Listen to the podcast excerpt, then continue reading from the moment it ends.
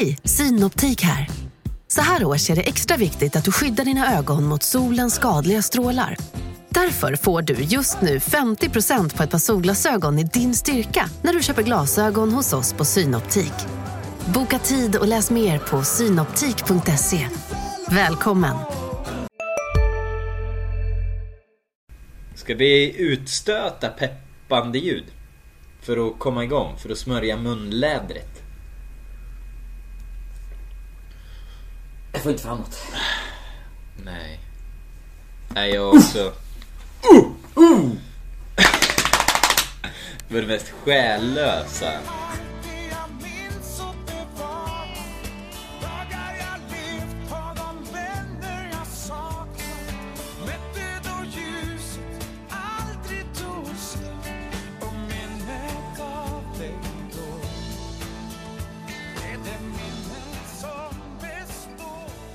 Du lyssnar på GIF-podden med mig, Lukas Salin. Med mig, Oskar Lund. Ja, och mm.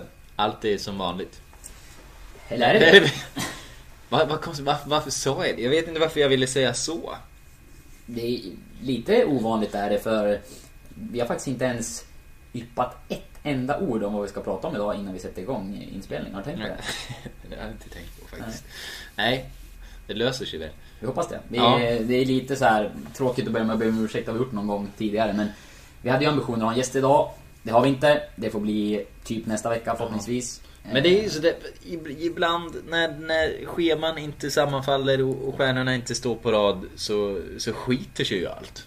Jag gjorde faktiskt ett försök, eh, ett sent sådant då med Erik eh, Larsson mm. igår efter matchen. Vi spelade in det här tisdag då, dagen efter matchen mot Göteborg. Och mm. han eh, han hade dels rätt mycket plugg och eh, sen skulle han till lekterapin på sjukhuset idag och leka oh. med barnen där. Så jag hade väldigt svårt att mm. Eh, försöka liksom Bänken. övertala honom eh, efter det. Det kändes som att det var väldigt rimligt skäl till att tacka nej till GIF-podden. Men... det får man väl ändå säga. Men ja. sen samtidigt så är efter en 4-0 torsk på en måndag så är i otacksamt läge också kanske ja, det är det, jaga. Vi borde som vanligt ha varit ute i godare tid ja. kanske. Vi får ha det till nästa vecka, det kan, det kan vi väl ändå lova den här gången. Ja, ja.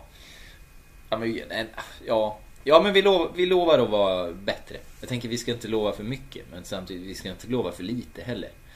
Nej, ambitionen är att ha en gäst nästa vecka och vi ska ja. göra det vi kan. Och ja. vi kommer att vara ute i bättre tid än vad vi var inför eh, den här veckans avsnitt. Och Även förra veckans avsnitt då vi försökte få hit Andreas Lindman. Ja. Eh, ja, matchen eh, igår, i talande stund igår. Det här kommer väl att publiceras på onsdag. Men eh, igår mötte Giffarna IFK Göteborg hemma. Du var på plats, jag var inte på plats. Jag såg eh, matchen hemifrån. Det var nu, min, min sambo hävdade att det var hennes tur nu att se hemmamatchen. Mm, så hon var på plats? Hon fick vara på plats. Ja, och jag eh, tog matchen från eh, soffan då. Och det, det, var svårt. Alltså, det är svårt med två barn att se på fotboll särskilt bra. Eh, så jag har, jag har gjort liksom lite annorlunda reflektioner här. Framförallt från första halvlek och det var egentligen min... Din dotter har ju en bra spaning. min jag... dotter som har gjort en väldigt bra spaning. Eh, kan inte du plocka fram den åt mig? Jo, jag, jag glömde min eh, telefon här. Den finns väl på Instagram va? Eh, nej, den är på Twitter. På Twitter? Twitter. Men det var helt enkelt så att, att eh, när matchen var på väg att dra igång. Hon var, hon var väldigt, väldigt trött. Och, och eh, barn blir som barn blir då. Eh, lite gnälliga. Och Rosie hade lovat att... Ja, ja du får fortsätta så. Ja, Rosie hade lovat att, att, för det första då, så hade hon lovat att hon skulle, ja, men du kanske får se mig på TV. Så Isa, min äldsta dotter, ville inte lägga sig innan hon hade sett Rosie på TVn. Hon skulle ju i så fall vinka. Det hade hon ju sagt. Eh, sen är det ju så här, Fick hon det? Nej, nej men det, det, blev liksom att vi, vi... Hon kollade väldigt koncentrerat för första gången. För hon ville verkligen se. Hon ville ju se mamma. Och... Eh, men då la hon ju märke till något annat något fasansfullt. Eh, hennes favorit i laget är ju Tommy Naurin. Och det har ju med hans matchställ att göra. Det är ju för att det är rosa. Ehm, och nu när hon såg då att han inte hade rosa så sa hon så här. Vad ska du säga då? då? Jag ska säga till Tommy så här. Du måste rosa Ja, hon, hon, hon Rosa avbryts ju mitt i det för det, det här är ett eh, snap, snapchat som jag har skickat till Tommy. Eh, Jag har inte fått något svar på det, han kanske var ganska less efter matchen. Men eh, nej, hon, hon tycker att han måste ha rosa kläder och det här fortsatte faktiskt. Och då hade jag inte hjärta att filma med mobilen men eh, hon eh, grät över att han inte hade rosa kläder. Det var så pass. Och jag, tänk, jag, jag tänkte lite på det här, en sån här detalj kan ju vara viktig för ett barn. En målvakt med rosa kläder. Eh, Jag tänker en målvakt till exempel som Mattias Asper hade nog kanske inte känts lika folklig utan sina mjukisbrallor. Ja, det vet du. Eh, Det gjorde mycket. Han var ju lite en, en favorit för mig när jag var liten också. Nu har det som jag har berättat tidigare. Jag kommer från en familj med många aik -are. Men när jag ställde mig i mål själv på fotbollsträningarna då ville ju jag också ha långbrallor som Mattias Asper. Alltså det låg ju något i det.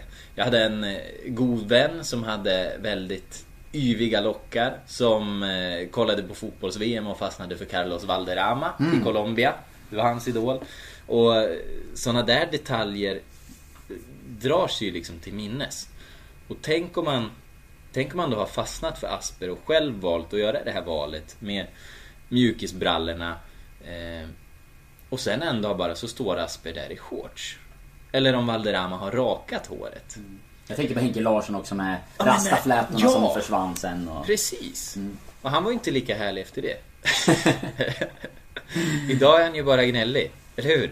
Han har, han, har, han har blivit... eh, Man, man har ett mer gnälligt Ja. intryck av honom efter Ja. karriären än när han var Han- spelare i alla fall. Ja, lite, lite återhållsam och gubbtjurig. Men, Nej men han... Som eh, tränare blir man ju ofta attackerad också. speciellt när det går lite tungt som det Ja. Ja. gjorde i fjol får man ju lov att säga. Ja men så är det. Men... eh, Och, och det säger mig med glimten i ögat men... Nej, det gör jag inte alls. Han är lite gnälligare. Det är han. Jag tänkte på, Mm. apropå det här nu inne på med, med målvaktskläderna. Jag, jag tänkte också på, på Tommys eh, outfit igår. Inte på Mm. samma sätt som, som Isa kanske men... Eh, Ja, hon är tre år. ja. Men det behöver inte betyda så Att ni inte gör samma reflektioner. Nej. Eh, Det gör vi nog. Vi gör nog samma reflektioner i vid många andra tillfällen kan jag tänka mig. Mm. Men eh, det jag tänkte på var att han hade vitt på sig. Och det hade även Pontus eh, Dahlberg Mm. I Göteborgsmålet. Mm. Får man det? Jag Nej, trodde jag- inte att man fick ha samma Nej, eh, det, det klädsel borde de inte få. Det borde de inte få. Och jag börjar nu... eh, Jag börjar liksom ana någonting. Att det är någonting som inte är som det ska. Med, för att de inte spelar i rosa. Ja, Mm. och, och varför har han eh, bytt så mycket? Han har ju haft orange nu, Mm. några matcher i rad. Eh, och nu har han gått till vitt. Mm. Vad... Har han haft rosa någon av matcherna när han höll nollan? Det, det här skulle jag vilja veta mer om. Det kan vi ju ta reda på utan Ja. några större problem. Ja, precis. Det är bara att, att Kolla bilder eller ringa Tommy? Ja, precis. Kan ju att han, om det är någon sorts vidskepphetsgrej Mm. Så kan det ju, ja för det första så kommer ju alla på sig igen i så fall efter när- matchen igår men, men, men... Nej, eh, de här manglar han nog. Ja precis. Eh, Skänker Eldar upp dem i mittcirkeln på Norrporten. Idrottssparken heter den. Ja. Eh, Men eh, det kan vi inte, vi tar reda på det för det är Ja. intressant. Men jag tyckte det är konstigt att de fick ha samma adress. För säg, eh, nu var det ju väldigt klara siffror i slutet men Mm. 0-0 eller, eller underläge 0-1 och en av målvakterna ska upp på en hörna liksom om man har Mm. exakt samma utstyrsel. Det hade inte varit så bra. Vilken hand var det som boxade bort den där bollen egentligen? Eller? Nej precis, och det är, väl, det är väl en av anledningarna till att målvakterna ofta har tre ställ. Mm. Och, Ja, vilket han ju har nu. Ja. Det är ett rosa, det är ett orange och det är ett vitt. Märkligt. Eh. Men det var mycket som var märkligt igår. Ja, det var det. Det var mycket märkligt. Ja. Och... eh, Ja, du kan väl berätta. Det här var ju Ska vi gå in på matchen? mina reflektioner. Ja. Vi, vi kanske ska in på matchen. Eh, Nej men det var en jättekonstig match. En av de märkligaste allsvenska matcher jag har sett, känns det som.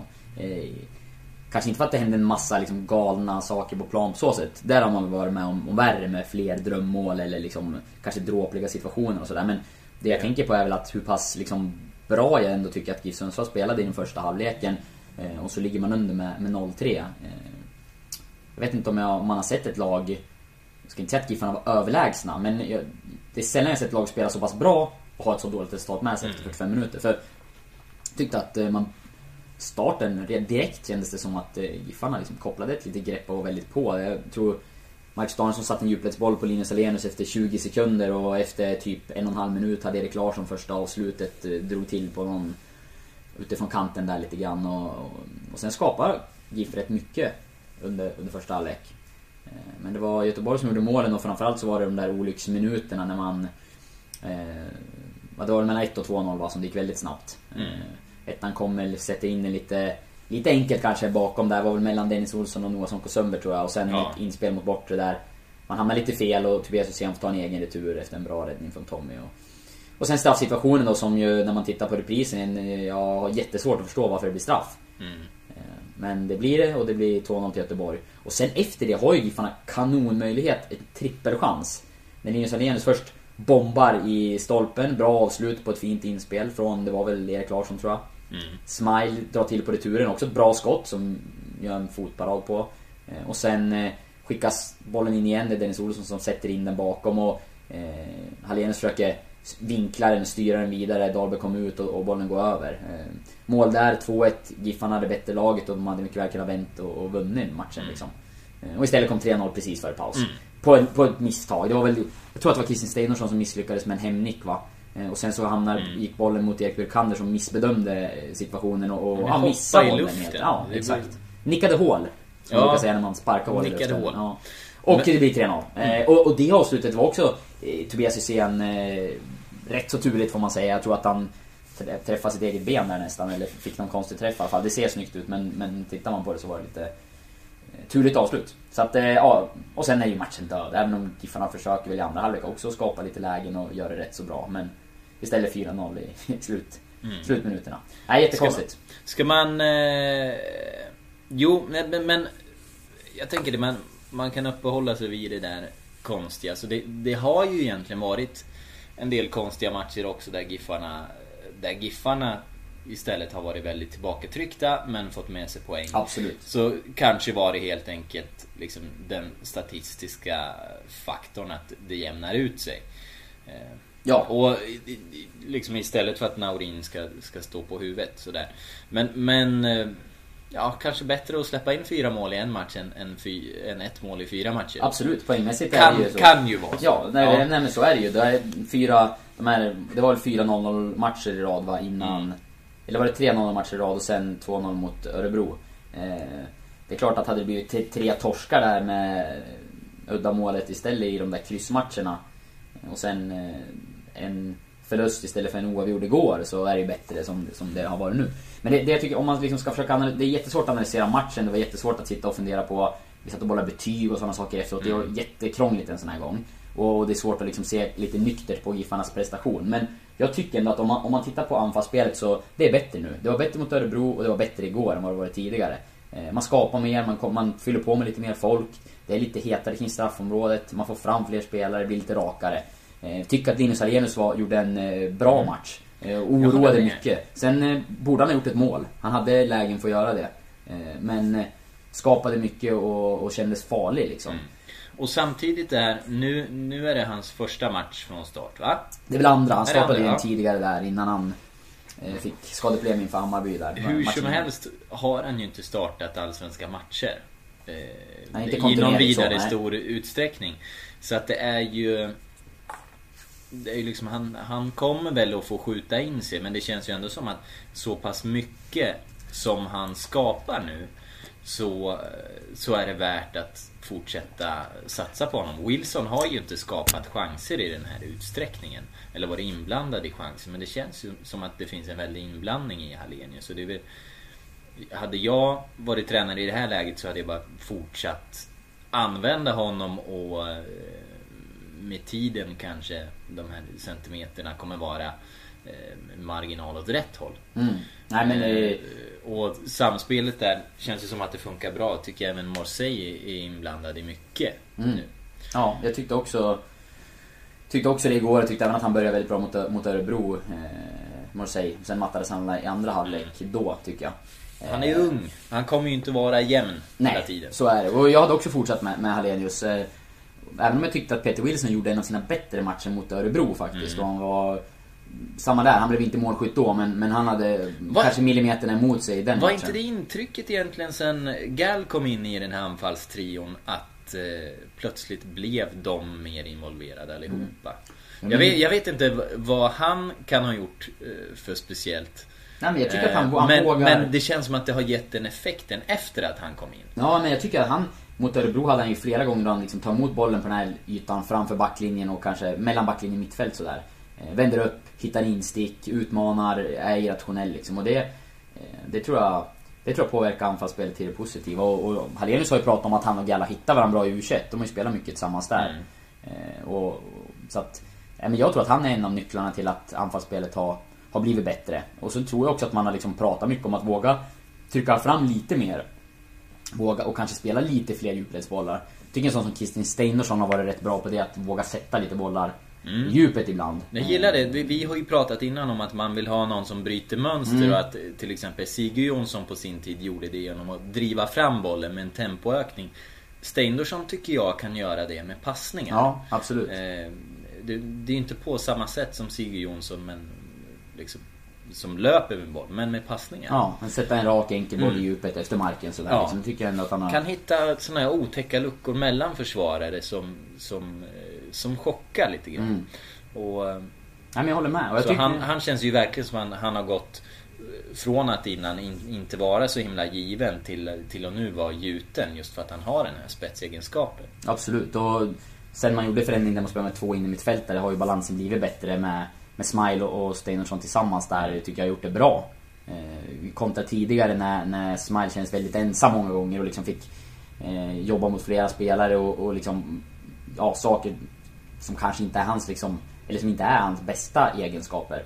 Även om jag faktiskt reagerade på igår. Jag tyckte att han eh, han, eh, jag tycker han ser rappare och rappare ut och springer mer och mer i matcherna och, och vinner fler dueller än tidigare och att... Eh, Duellerna, jag håller verkligen med honom. han har ju, nå- alltså, Han har ju en hydda att använda. ja och det finns ju en dimension i hans spel när det gäller passningar och, och liksom tillslag som är bättre än Allsvenskan. Och tar han steg på andra delar så då tror jag att han kommer, han kommer ta sig vidare från GIF Sundsvall till, till någonting större om han gör rätt saker sådär. Det, så känns det som. Han hade, igår var det en mottagning som jag minns eh, sög ner en, en boll som kom väldigt högt och snabbt levererade vidare när man ser att det finns liksom en, en spets. Så att, nej men offensivt eh, ser det bättre ut.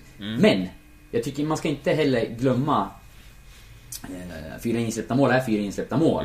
Och även om man inte bjöd på jättemånga chanser. Det var inte så att Göteborg hade massvis med lägen. eh, Så var det några individuella missar som ledde till de här målen. Eh, Sak, liksom mål som man kanske inte har sett Giffarna släppa in på samma sätt. Svårt sådär på rak arm att säga om det är det, precis som du var inne på, Tommy har räddat Giffarna i några matcher. Eh, Och liksom motståndare som har bränt chanser kanske sådär. Eh, Monsterräddningen han gjorde på, var det, var det David Moberg Karlsson som avslutade när Tommy räddade mot Norrköping där med paraden? Eh, nej. Ja, jag, har, jag har så dåligt sekvensminne Ja, jag ska, jag ska Men du minns räddningen i alla fall och Ja. den var ju brutal. Och, Ja. eh, den räddningen... Ja men ett, hade avslutet gått några decimeter åt sidan så är det ju mål en sån Mm. Nu blev det en räddning och en viktig poäng liksom. Det är marginaler. Men min känsla var ändå att det var lite slarvigare igår. Jag Mm. tycker att man, den där missbedömningen på 2-0 målet, eller på eh, 3-0 målet. Mm. Det är flera delar innan också som är dåliga i Giffarnas försvarsagerande. Och det, det här första målet Första målet kom också till- alldeles för lätt till. exempel, då är, det, då är det Sonko som är ute på kanten i press och Dennis är liksom på väg tillbaka någonstans på vänsterbacken. I, i, i vanliga fall, eh, det föranleddes väl av situationen innan, men i vanliga fall så är det ju Sonko som är på insidan. Och, och Dennis är ute i den pressen.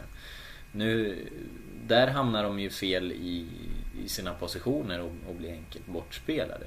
Och sen så får ju Sent en egen retur på, på det avslutet. Men Tommy Mm. gör en bra räddning första.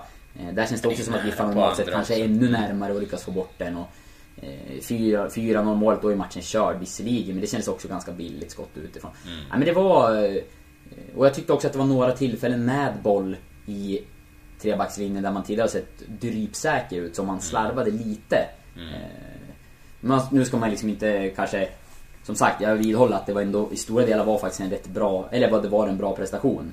Eh, men det var inte, Giffarna blev inte bara bortdömda eh, på en ytterst tveksam straff. Mm. Utan man gjorde faktiskt några individuella misstag i defensiven som man inte har gjort på samma sätt tidigare. Och det, Mm. det blev man väldigt, väldigt hårt straffade för. Kanske liksom orättvist hårt straffade för. Men likväl, man gjorde några missar. Och, eh, ja, det är inte så konstigt för de har ju varit brutalt stabila tidigare. Så det är Mm. klart att det kommer något misstag här och där ibland. Mm. Eh, Men eh, man ska inte glömma att det, gjorde, att det, var, också, det var så. Mm. Och jag tyckte det var ganska... De flesta spelarna pratade ju om hur bra man hade, ändå hade gjort och att det var en märklig match och det håller jag med om. Men det var också rätt befriande att höra Tommy Naurin efter matchen säga att man ska, man ska ändå ta en sån här förlust på allvar. Även om vi tycker att vi gjorde saker bra eh, så släppte vi in fyra mål och förlorade med 4-0. Och det kan man liksom inte bara vifta bort. Mm. Eh, Och det tycker jag var vist, klokt sagt av eh, GIF-kaptenen. För Ja men precis. 4-0 är ändå 4-0. Ja, och, och där måste ju någon ändå ha fötterna på jorden och, och inte klappa sig själv på axeln för mycket. Och det är han bra på, det är väl därför han är kapten. Ja, förmodligen. Och, Ja. Eller också för att han vågade våga banka på domardörrar och gå in och ta dialoger, för det gjorde han igår. Ja, och eh, precis. Det, det tycker jag är, är härligt. Och mycket bättre att ta diskussionen på det sättet efteråt än ute i, i stridens hetta och dra på sig en massa gula kort. Eh, jag menar AIKs eh, Oskar Linnér är ju, är ju, var ju avstängd nu i derbyt till exempel. Mm. Med tre gula. Mycket Det maskning hade, ja, maskning precis. Eh, En hel del sånt. Men, men Men Giffarna var, de var väldigt missnöjda med domarinsatsen igår och Ja. det kan jag förstå. Straffen är ju, ja. Jag ser inte att det är straff eh, någonstans när jag tittar på reprisen. Jag vet inte vad, vad du känner när Nej. man ser bilderna. Precis, vi, vi kanske Det är alltid svårt att bedöma uppehålla oss lite där. Som jag känner så är det ju helt enkelt bara att, att eh, Bomanerva korsar Danielssons väg och han måste ju värja sig på något sätt. Eh, Han försöker störa honom lite grann. Lämpligast tar man ju emot honom med armarna. Och han föser ju undan honom lite. Alltså, det är ju klart. Det finns ju en irritation liksom. Ja. Det är klart man föser undan honom. Danielsson kan ju inte ta bort sig själv. Han måste ju någonstans ändå försvara. Han kan ju inte bara flytta på sig. Ja, ja, här spring förbi du. Så det är inte mycket han kan göra. Och eh, jag blir också förvånad, det är så långt ifrån spelet. Att eh, domaren kan se det här och vara helt säker. Eh, varför har man blicken där? Eh, det är väl, man får väl anta att det är en assisterande som har tagit beslutet då ändå. Men eh, jag har liksom svårt att se att man har sett situationen ur något annat än ögonvrån. Eh, och hur kan man då vara så säker? Då borde det ju... Det är väl en domardevis då att hellre fria än fälla i sådana tveksamma lägen. Eh, så... intressant. jag, jag vet inte. Så, Intressant så kan man hålla på och resonera ihjäl sig. Ja, och Giffarna har, har jobbat hårt med just den här typen av moment för försvarsspelarna faktiskt. Att försöka störa anfallarna liksom precis innan ett inlägg eller en frispark eller en hörna sådär. Att, eh, ja men att liksom dela ut kanske en, en liten knuff eller att man markerar eller liksom så här få spelarna att hamna lite, lite i obalans liksom. Och det är ju såklart lite ja, tungt då att åka på en straff på ett moment som man liksom har jobbat väldigt hårt med att så här ska vi störa motståndarna innan, innan fasta situationer. Vi ska vara där och, och dela ut en lätt liksom, ja, markera eller kn- lätt touch eller någonting för att liksom, de inte ska vara helt i balans. Och, och så blir det straff av det och eh, en straff som kanske blev matchavgörande i, i slutändan då. Eh, Så att, ja, Ja, någonstans eh, blir det så definitivt med 2-0. Det är så oerhört mycket tyngre att ha 2-0 emot sig än 1-0. Ja, och det kommer så Speciellt kort efter första målet. tidigt och Precis. Mm. kort efter första som du säger.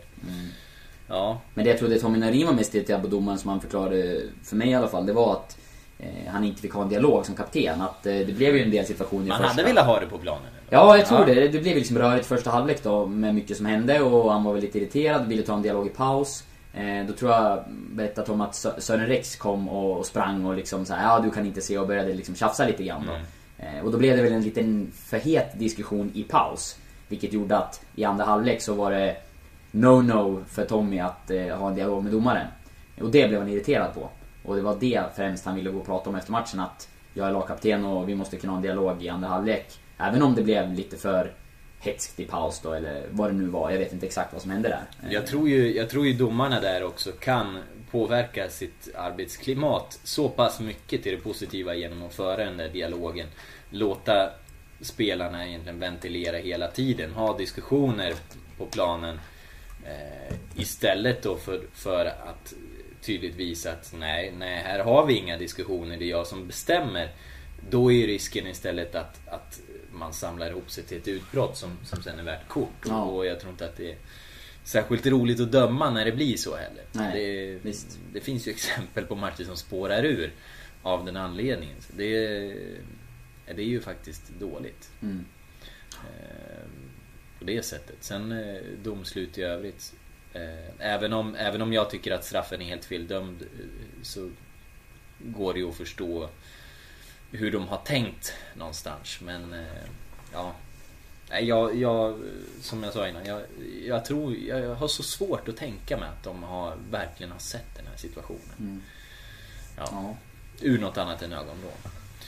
Men jag vet inte. Ska vi, är vi klara med matchen?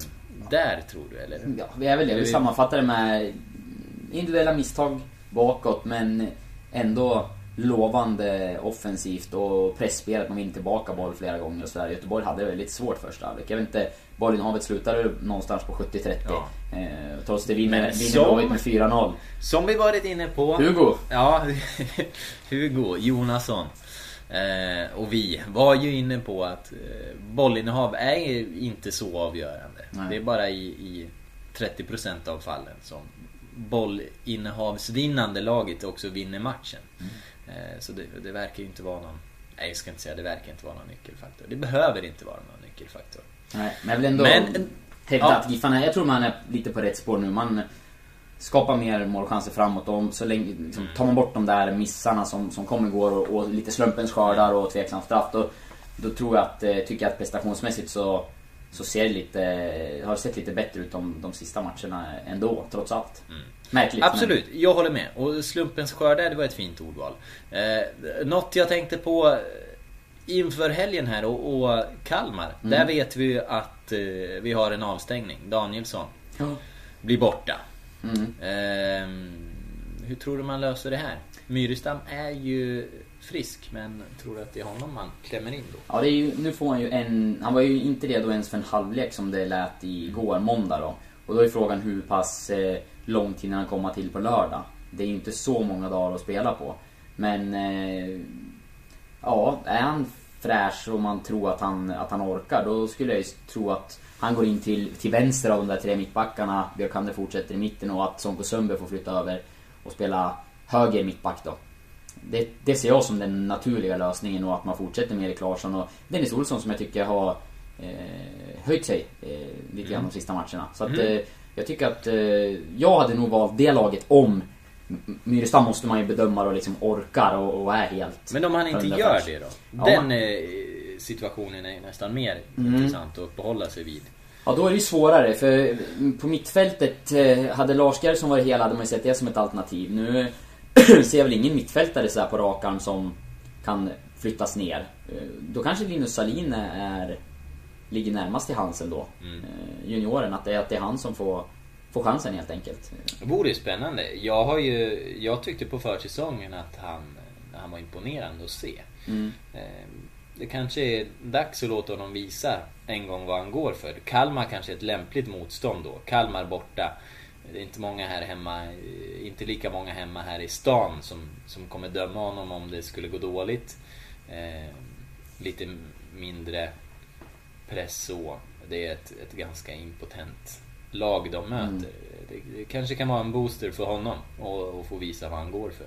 Kan nog vara en lämplig debut. Om, om det står och väger med Myrestam så kanske man hellre ska ta det säkra för det Mm. osäkra och låta honom göra just en sån här match. Vi har ju Piteåke också såklart, Mm. men eftersom att han inte ens eh, var uttagen i, Nej, i truppen senast. i kroppen. Eh, han, han ska ju vara hel nu och spela u idag som ja. jag har förstått det. Så att, Ja. Men med tanke på att han, eh, att han inte ens bedömdes kunna vara med i truppen igår. Så känns det ju inte så troligt att han startar på lördag. Eh, Det är min känsla i alla fall. Utan jag tror att det kommer bli David Myrstam, jag ska gissa. Ja. Men, Vill eh, man ha någonting spelskickligt så har de ju använt Amaro Batiar Mm. som mittback på försäsongen. Vid ett tillfälle åtminstone. Ja, tror inte det kommer bli så på lördag. Om jag skulle... Nej, Han var inte heller ja, jag har svårt att tänka mig det också i, i Allsvenskan. Men eh, kan man värt att lufta det i det här rummet? Ja. Att det kan... Eh, Smile droppade ju ner en hel del igår när man gjorde den här Ja. galna attacken på slutet och det var ju väldigt offensiva byten. Ja. Det får man ju ändå säga. Just det. Eh, Wilson kom in och... Eh, 2-4-4. ja, det var mer eller mindre 2-4-4. Men Smile kom ner och skötte några uppspel sådär så att... Eh, släng in honom som eh, mittback borta mot Kalmar. Då kommer det bli mycket passningsspel bakifrån i alla fall. Och starta med 2-4-4. Ja. Mm. Attack. Vi är specialister på det vi gör, precis som du. Därför försäkrar vi på Swedea bara småföretag, som ditt. För oss är små företag alltid större än stora och vår företagsförsäkring anpassar sig helt efter firmans förutsättningar. Gå in på swedea.se företag och jämför själv. Välkomna sommaren med att... Res med Stena Line i sommar och gör det mesta av din semester. Ta bilen till Danmark, Tyskland, Lettland, Polen och resten av Europa. Se alla våra destinationer och boka nu på stenaline.se. Välkommen ombord!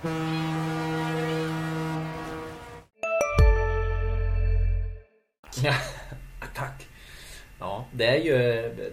Spolar man tillbaka 50 år så var det väl ingen otänkbar eh, uppställning. Jag tror att det var i något mästerskap när...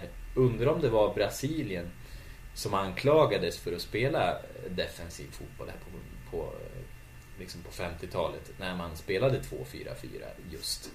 Ehm, och ja, tiderna förändras kan man väl säga. Ja, det, Det var innan det. Catenaccio kom. Ja. Och riskminimering. eh, nej, så vi får väl se. Eh, det var ju inte helt eh, värdelöst 2-4-4 mot Göteborg. Nej, precis. Ja, men eh, där kanske vi lämnar matchen. Gör det. Vi lämnar matchen. Det var Qi Huangti, kung av Xin, som lät bygga den kinesiska muren och bränna alla böcker i Kina. Detta hände på Hannibals tid.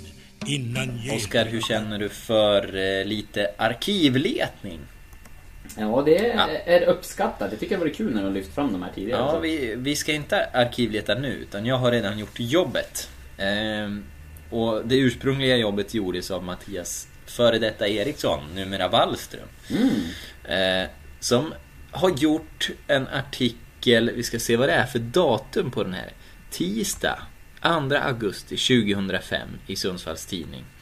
Så är det här i en, eh, ute på, på vänsterdelen av uppslaget i en tvåspalt har han gjort en artikel med rubriken Var tog Adeyinka vägen?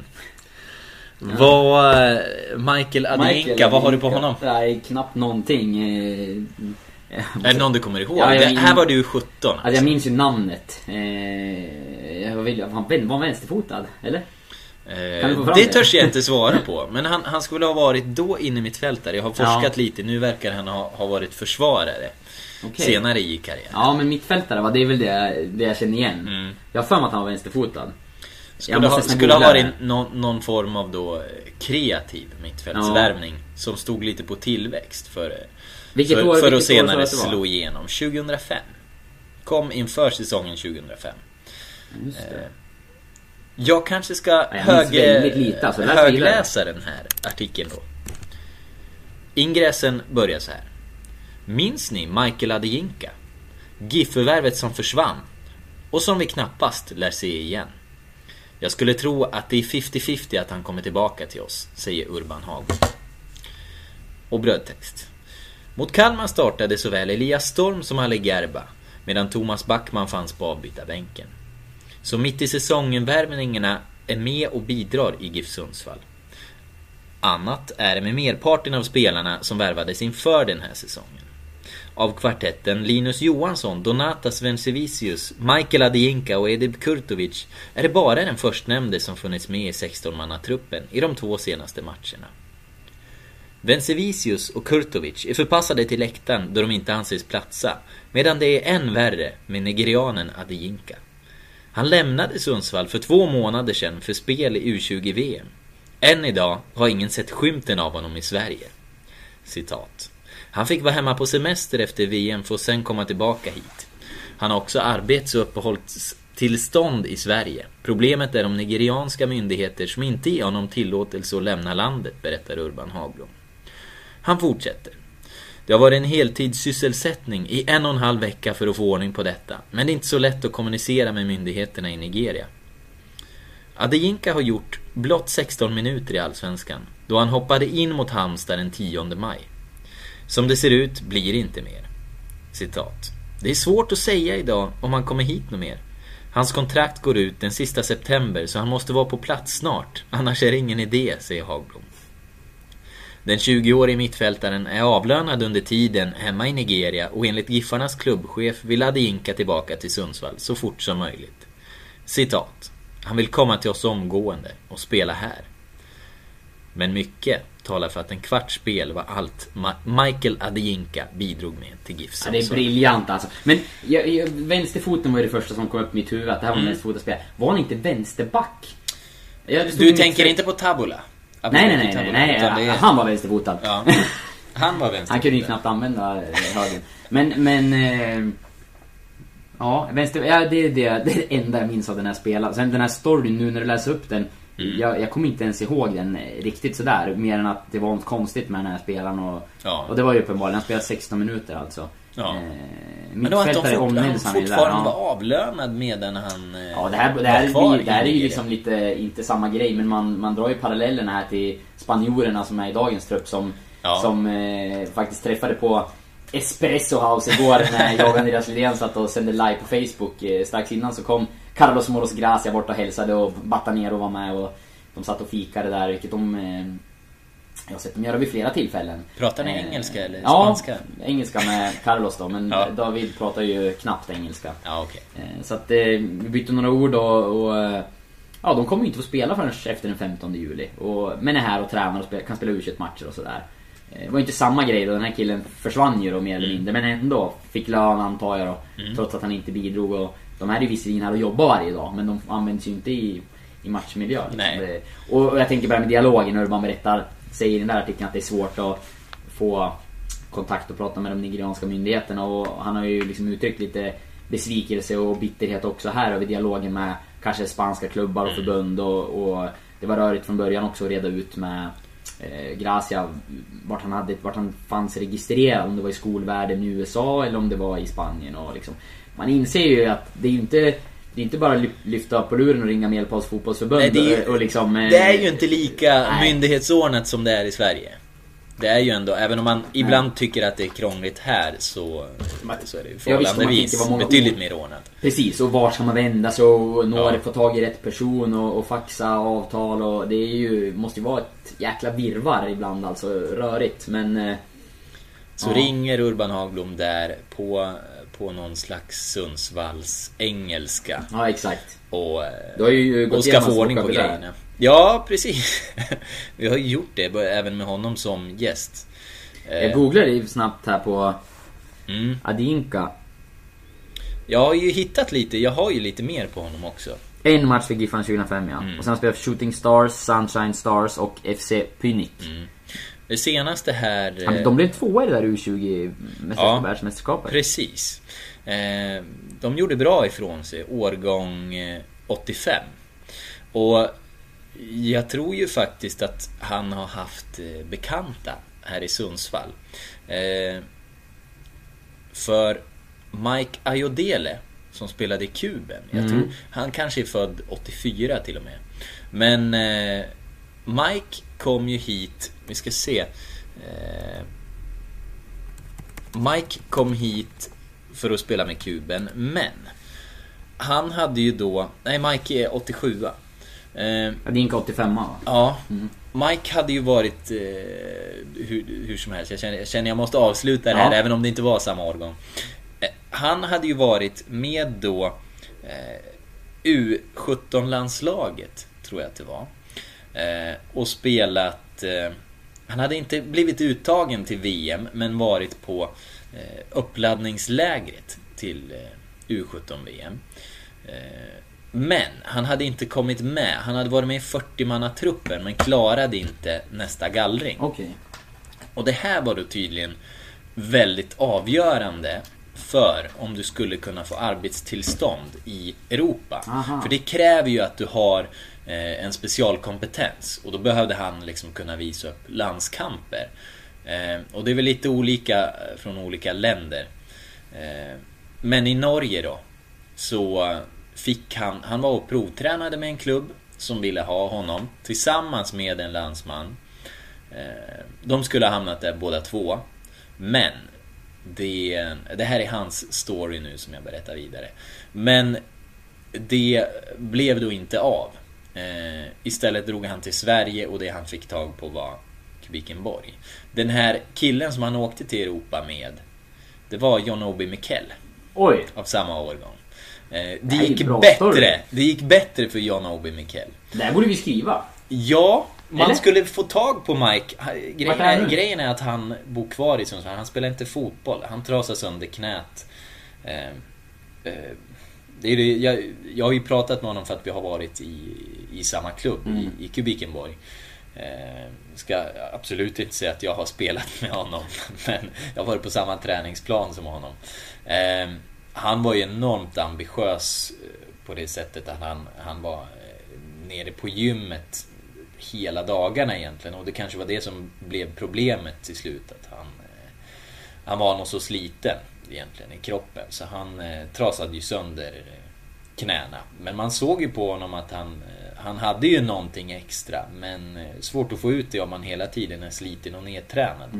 Eh, Det var kanske mer, mer hjärta och, och, och mindre hjärna i, i satsningen. Men han, jag tror att han bor kvar i Sundsvall. Jag har sett honom lite då och då. På, framförallt när jag bodde på, på Kuben. Då åkte han en del med, med bussen ut mot Bredsand. Mm, får Eh, försöka få tag på honom och så kanske ja. kan skriva en läsning om Ja. eh, när han kom till Sverige med John Obi Mikkel. Ja. Blev en rätt bra spelare av det till slut. Ja, John Obi Mikkel blev det, blev det ordning på. Han Mm. hade det tuffare. Jag tror, han, eh, jag tror han skaffade någon eh, svensk tjej och fick barn. Mm. Barn fick han i alla fall. Kul. Jag hoppas att Ja. han har det bra. Ja, det hoppas jag också. Han är, han är glad när man ser honom. Eh, när man väl ser honom. Nu var det ett tag sen sist. Men... Eh, Vi kan om du lyssnar på GIF-podden så Ja. uppmanar vi att ja, Hör av dig. Sök upp oss Mike. så vi kan skriva och berätta om det här. Ja, Adeyinka hette ju också Ja. Michael i alla fall. Mm. Eh, här har jag sett på Pirkt. Ja, Eh, Erik Löfgren. Pirkts, Erik Lövgrens blogg eh, Fotnot har han skrivit i slutet av ett eh, inlägg där han har försökt att redogöra lite för storyn om Adeyinka. Okej. Så han skrivit att Michael Adeyinka tvingades byta namn till Jinka Adedeji för att ens kunna fortsätta sin fotbollskarriär efter det plötsliga och konspiratoriskt arrangerade GIF-uppbrottet. Efter att ha lämnat GIF Sundsvall fick Michael eller Jinka den lysande karriär alla räknade med, med spel i både Shooting Star och Sunshine Stars hemma i Nigeria. Eh, men Ja, men och se- sen var det ju så. Han var utlånad 2003 till eh, armenska högsta ligan i eh, det här laget på P... Vad heter de? Punic i Armenien. Och då ska han ha kvalat till eh, Champions League i alla fall. De kom väl inte dit, men eh, hade mött Röda Stjärnan eller något sånt där. Så där. Eh, åkt ut. Så eh, han fick göra det i alla fall. Sen har han återvänt och det sista jag kunde hitta det var att han spelade i Shooting Stars precis som innan han kom till Giffarna. Eh, och eh, ja, jag vet inte om det har gått bra eller så. Det är väl lite som med nigerianska myndigheter. Det var eh, lite svårt att få fakta. Mm. Är det någon som, där ute som vet någonting så hör Mm. gärna av er. eh. Jättegärna, här vill vi gärna veta mer. Eller om ni kanske har någon, någon eh, 12 år gammal story som ligger och skräpar om Adeyinka. När vi är inne på det här med lite udda karriärer och, och spelare som hamnar på oväntade platser så tips om en annan podd Mm. som jag började lyssna på här eh, under helgen. Mm. Eh, I söndags lyssnade jag på otroligt mycket podd. Jag höll på att tvätta det nämligen och lite annat hemma vid. Så då... Ja, du är som Bamses farmor, en gång om året så, så tar du allting. ja, Ja. typ. Eh, men eh, då eh, lyssnade jag på tilläggstid med eh, Patrik Ekvall och Claes Andersson är det väl, eh, tror jag. Mm. Eh, Men eh, och alla, de gör en kvart om dagen ungefär, tror jag är tanken, fotboll. Eh, korta poddar. Eh, Men, och i vissa av de här, och det var främst helgvarianterna tror jag, så ringer de upp en spelare och Ja det var ett tema liksom på sådana svenska fotbollsspelare som hamnar på, på udda platser.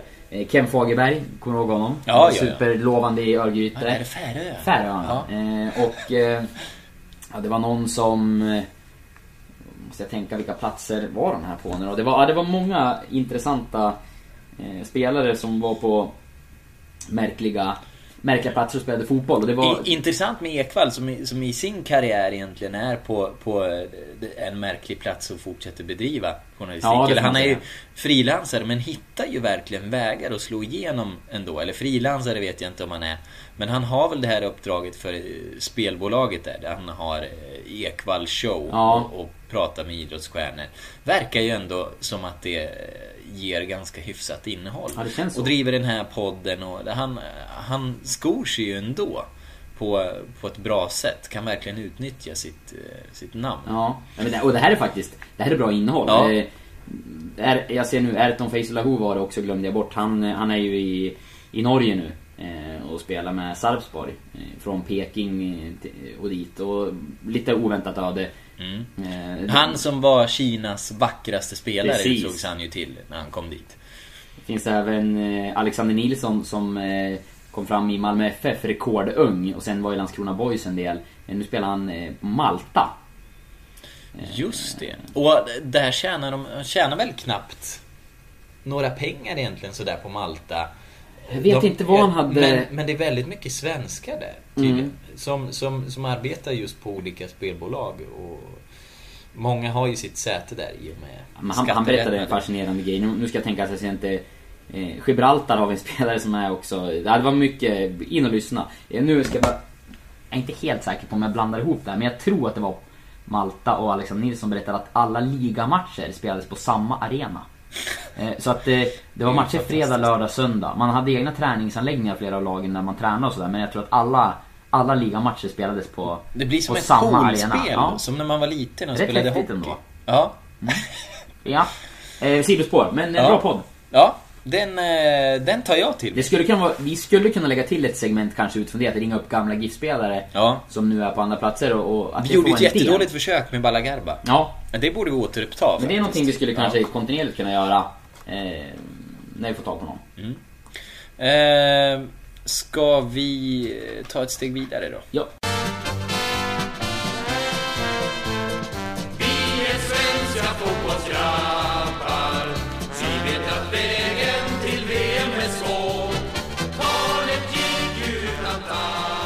Vi ska dra en liten hatt, Oskar.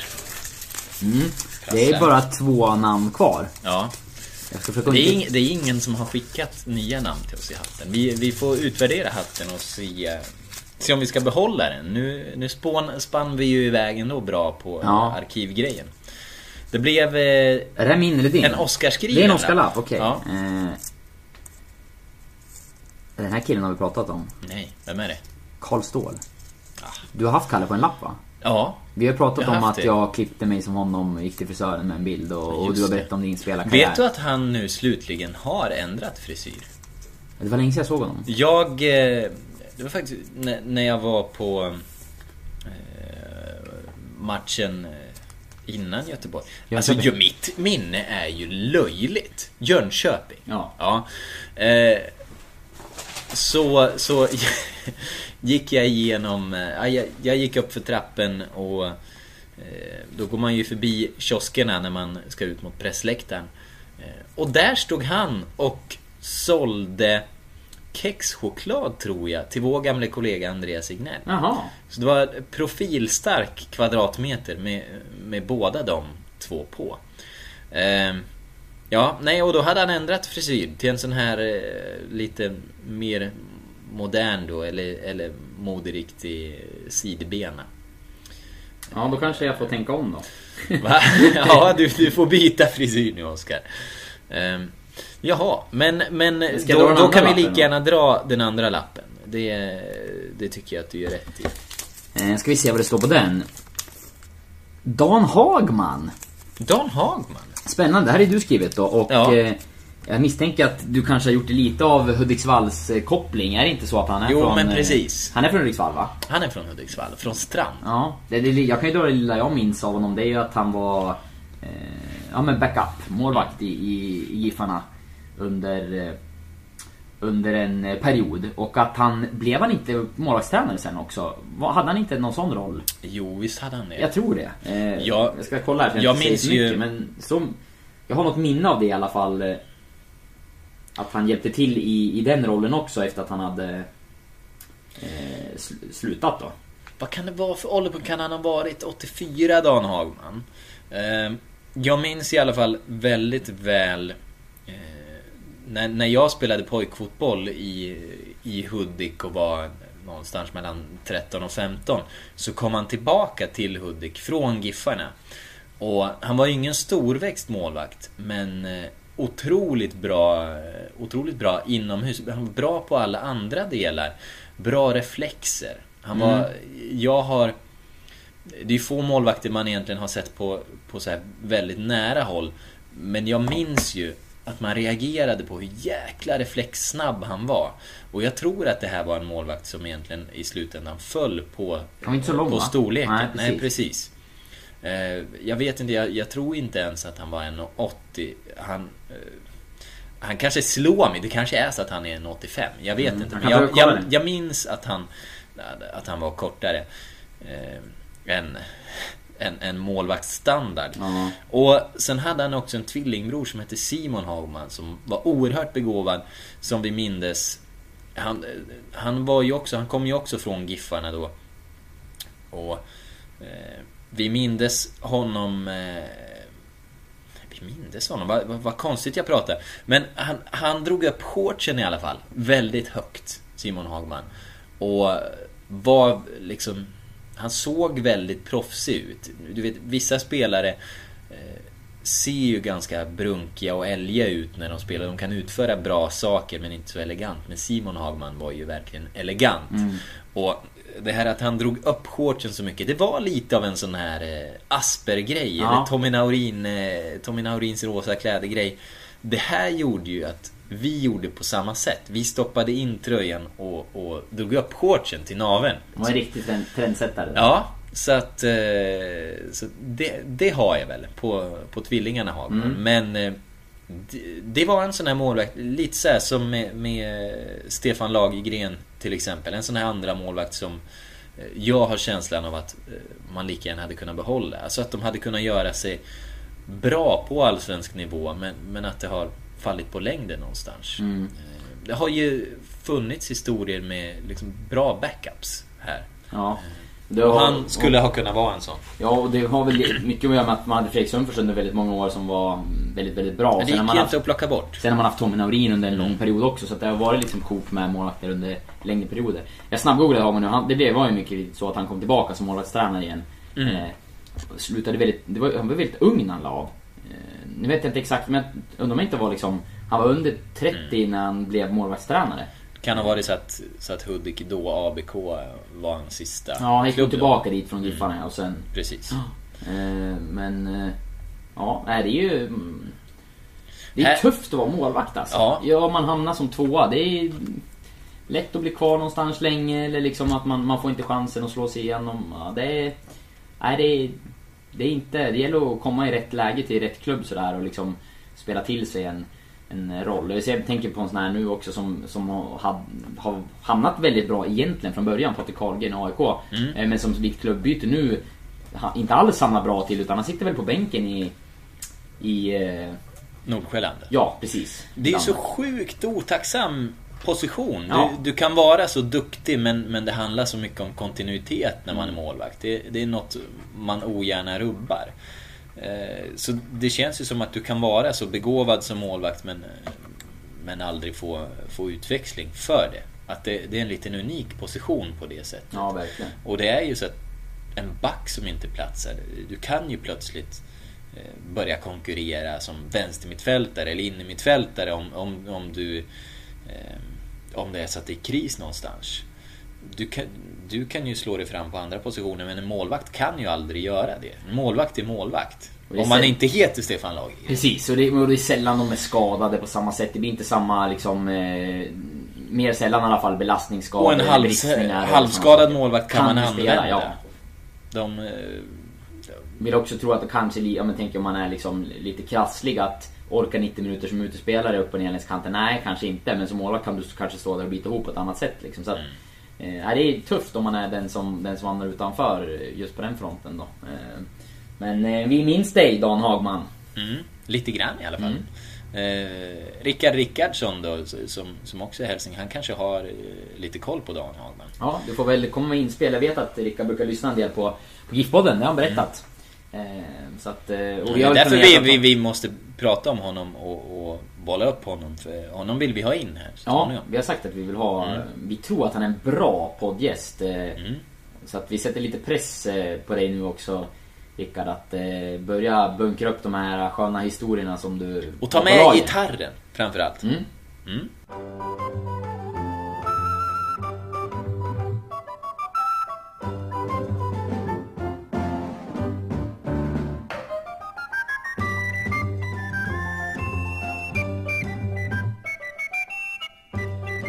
Ja, vi jobbar vidare med nya läxlappar till nästa vecka eller så eh, hittar vi på något annat. Vi Ja. kanske blir kreativa. Kanske dags att förnya oss. Ja, Vi börjar ju bli vana det här nu. Ja, och eh, någonting eh, som faller lite mellan stolarna när vi har bråttom, det är ju läxan. Mm. Eh, du ska få en eh, läxa. Du får en läxa av mig nu. Vi, Yes. vi får ta en veckas uppehåll här från läxan. Men eh, det kanske vi har råd med efter den fina presentationen av, av läxan där Rolle gästade oss. Det känns så. Ja, så det unnar vi oss. En liten eh, paus. Och eh, det här har jag känslan av också kan bli en eh, fem smala italienska mustascher-läxa. Om du utför den på rätt sätt. För eh, det är vår första lyssnare Anders. Anders Lindqvist som eh, har föreslagit den här. Faktiskt eh, det enda förslaget jag fick in, men ett väldigt starkt förslag. Eh, skriv en dikt om känslorna som infinner sig när ens lag vinner en match. Eh, Bra. Tror du att du kan utföra det här till nästa vecka? Absolut. Du har ju visat här tidigare att du har ett poetiskt sinnelag. Mm. Via Google Translate. Oskar, tänk, tänk, tänk dig det här. Du skriver en dikt om känslorna som infinner sig när ens lag vinner en match. Rickard Rickardsson tonsätter den här. Fantastiskt. Mm. Det är Rickard Rickardsson som ska vara gäst nästa vecka om andra ord. Mm. Vi kollar med honom. Vi, vi kollar med honom. Vi gör det direkt nu. Jag jobbar 24 minuter till. Eh, vi kollar med honom.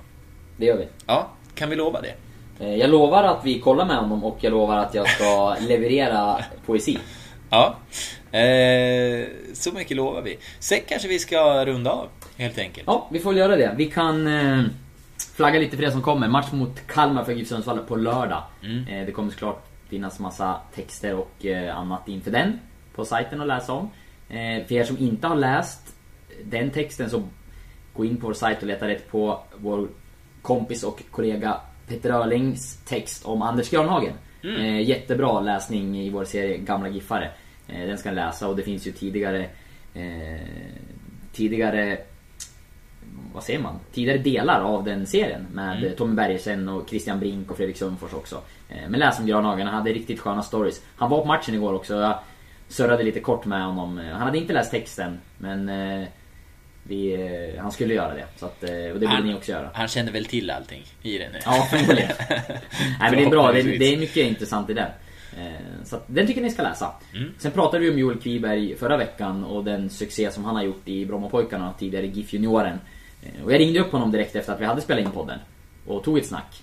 Eh, Och den texten kan jag också läsa, för han pratade en del om Giffarna och Mm. han ångrar faktiskt att han inte stannade kvar och bet ihop i Giffarna. Överraskande och härligt att han faktiskt eh, bjöd på det. Mm, ja, det var kul. Intressant att, att höra om tankarna bakom ett sånt beslut och så här många år senare. Eh, Ja, och jag ska inte fastna för mycket vid det. Jag såg förresten en, eh, ännu en match med, med BP. När, när de andra såg semifinal i Hockey-VM så valde jag BP mot eh, Varberg. Det är därför du är med i GIF-podden. I lördags, det är därför jag är med i GIF-podden. Nej men, eh, och det slår mig verkligen alltså. Vilket otäckt talangfullt lag det där är. Nu är det den här... Det är det är inte bara Kevin Cabron som gör en massa mål. Han, Victor Gyökeres, som bara är 18, ryktas nu till eh, Norrköping. Men det är liksom, de presterar som toppspelare i Superettan. Fast de är, många av dem är i den här åldern. Ja, Och då har de ändå precis släppt Felix Beijmo till Djurgården till exempel. Otäckt lag som jag är övertygad om spelar i Allsvenskan nästa år. Jag hoppas att de lyckas hålla i sina spelare så att det inte blir ett nytt eh, bottenplatt, bo, ma, ma, magplask, bottenträsklag. Att det inte blir något skit igen. För eh, det är lite spännande ändå att få ha en sån talangfabrik, en ny typ av personlighet på ett lag Ja. i Allsvenskan. Kul. Ja, men det var en parentes. Läs om Kviberg. Eh, var det egentligen? Och kolla på BP. Ja, kolla på BP. Gör det mer eh, i framtiden. Jag, jag har ju en viss kärlek, fotbollmanager-kärlek till BP också. Det har Ja, bra för mig med BP. BP och Väsby. Det finns en del mina lag. diamanter att slipa Ja. därifrån. Men eh, inga livesända lokalfotbollsmatcher den här veckan, men nästa vecka blir det fler. Eh, så mycket kan man väl säga. Eh, och med det så tror jag att vi tackar för oss. Vi gör det. Tack för att ni har hängt med idag och vi ses ju igen. Ja, nästa vecka. Med Rickard Rickardsson, som utlovat.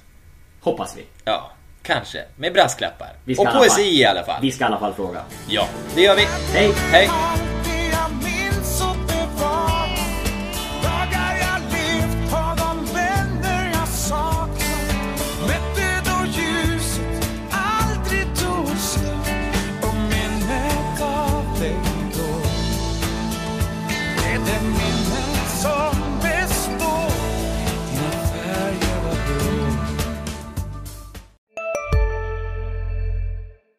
Var du än är och vad du än gör så kan din dag alldeles strax bli lite hetare.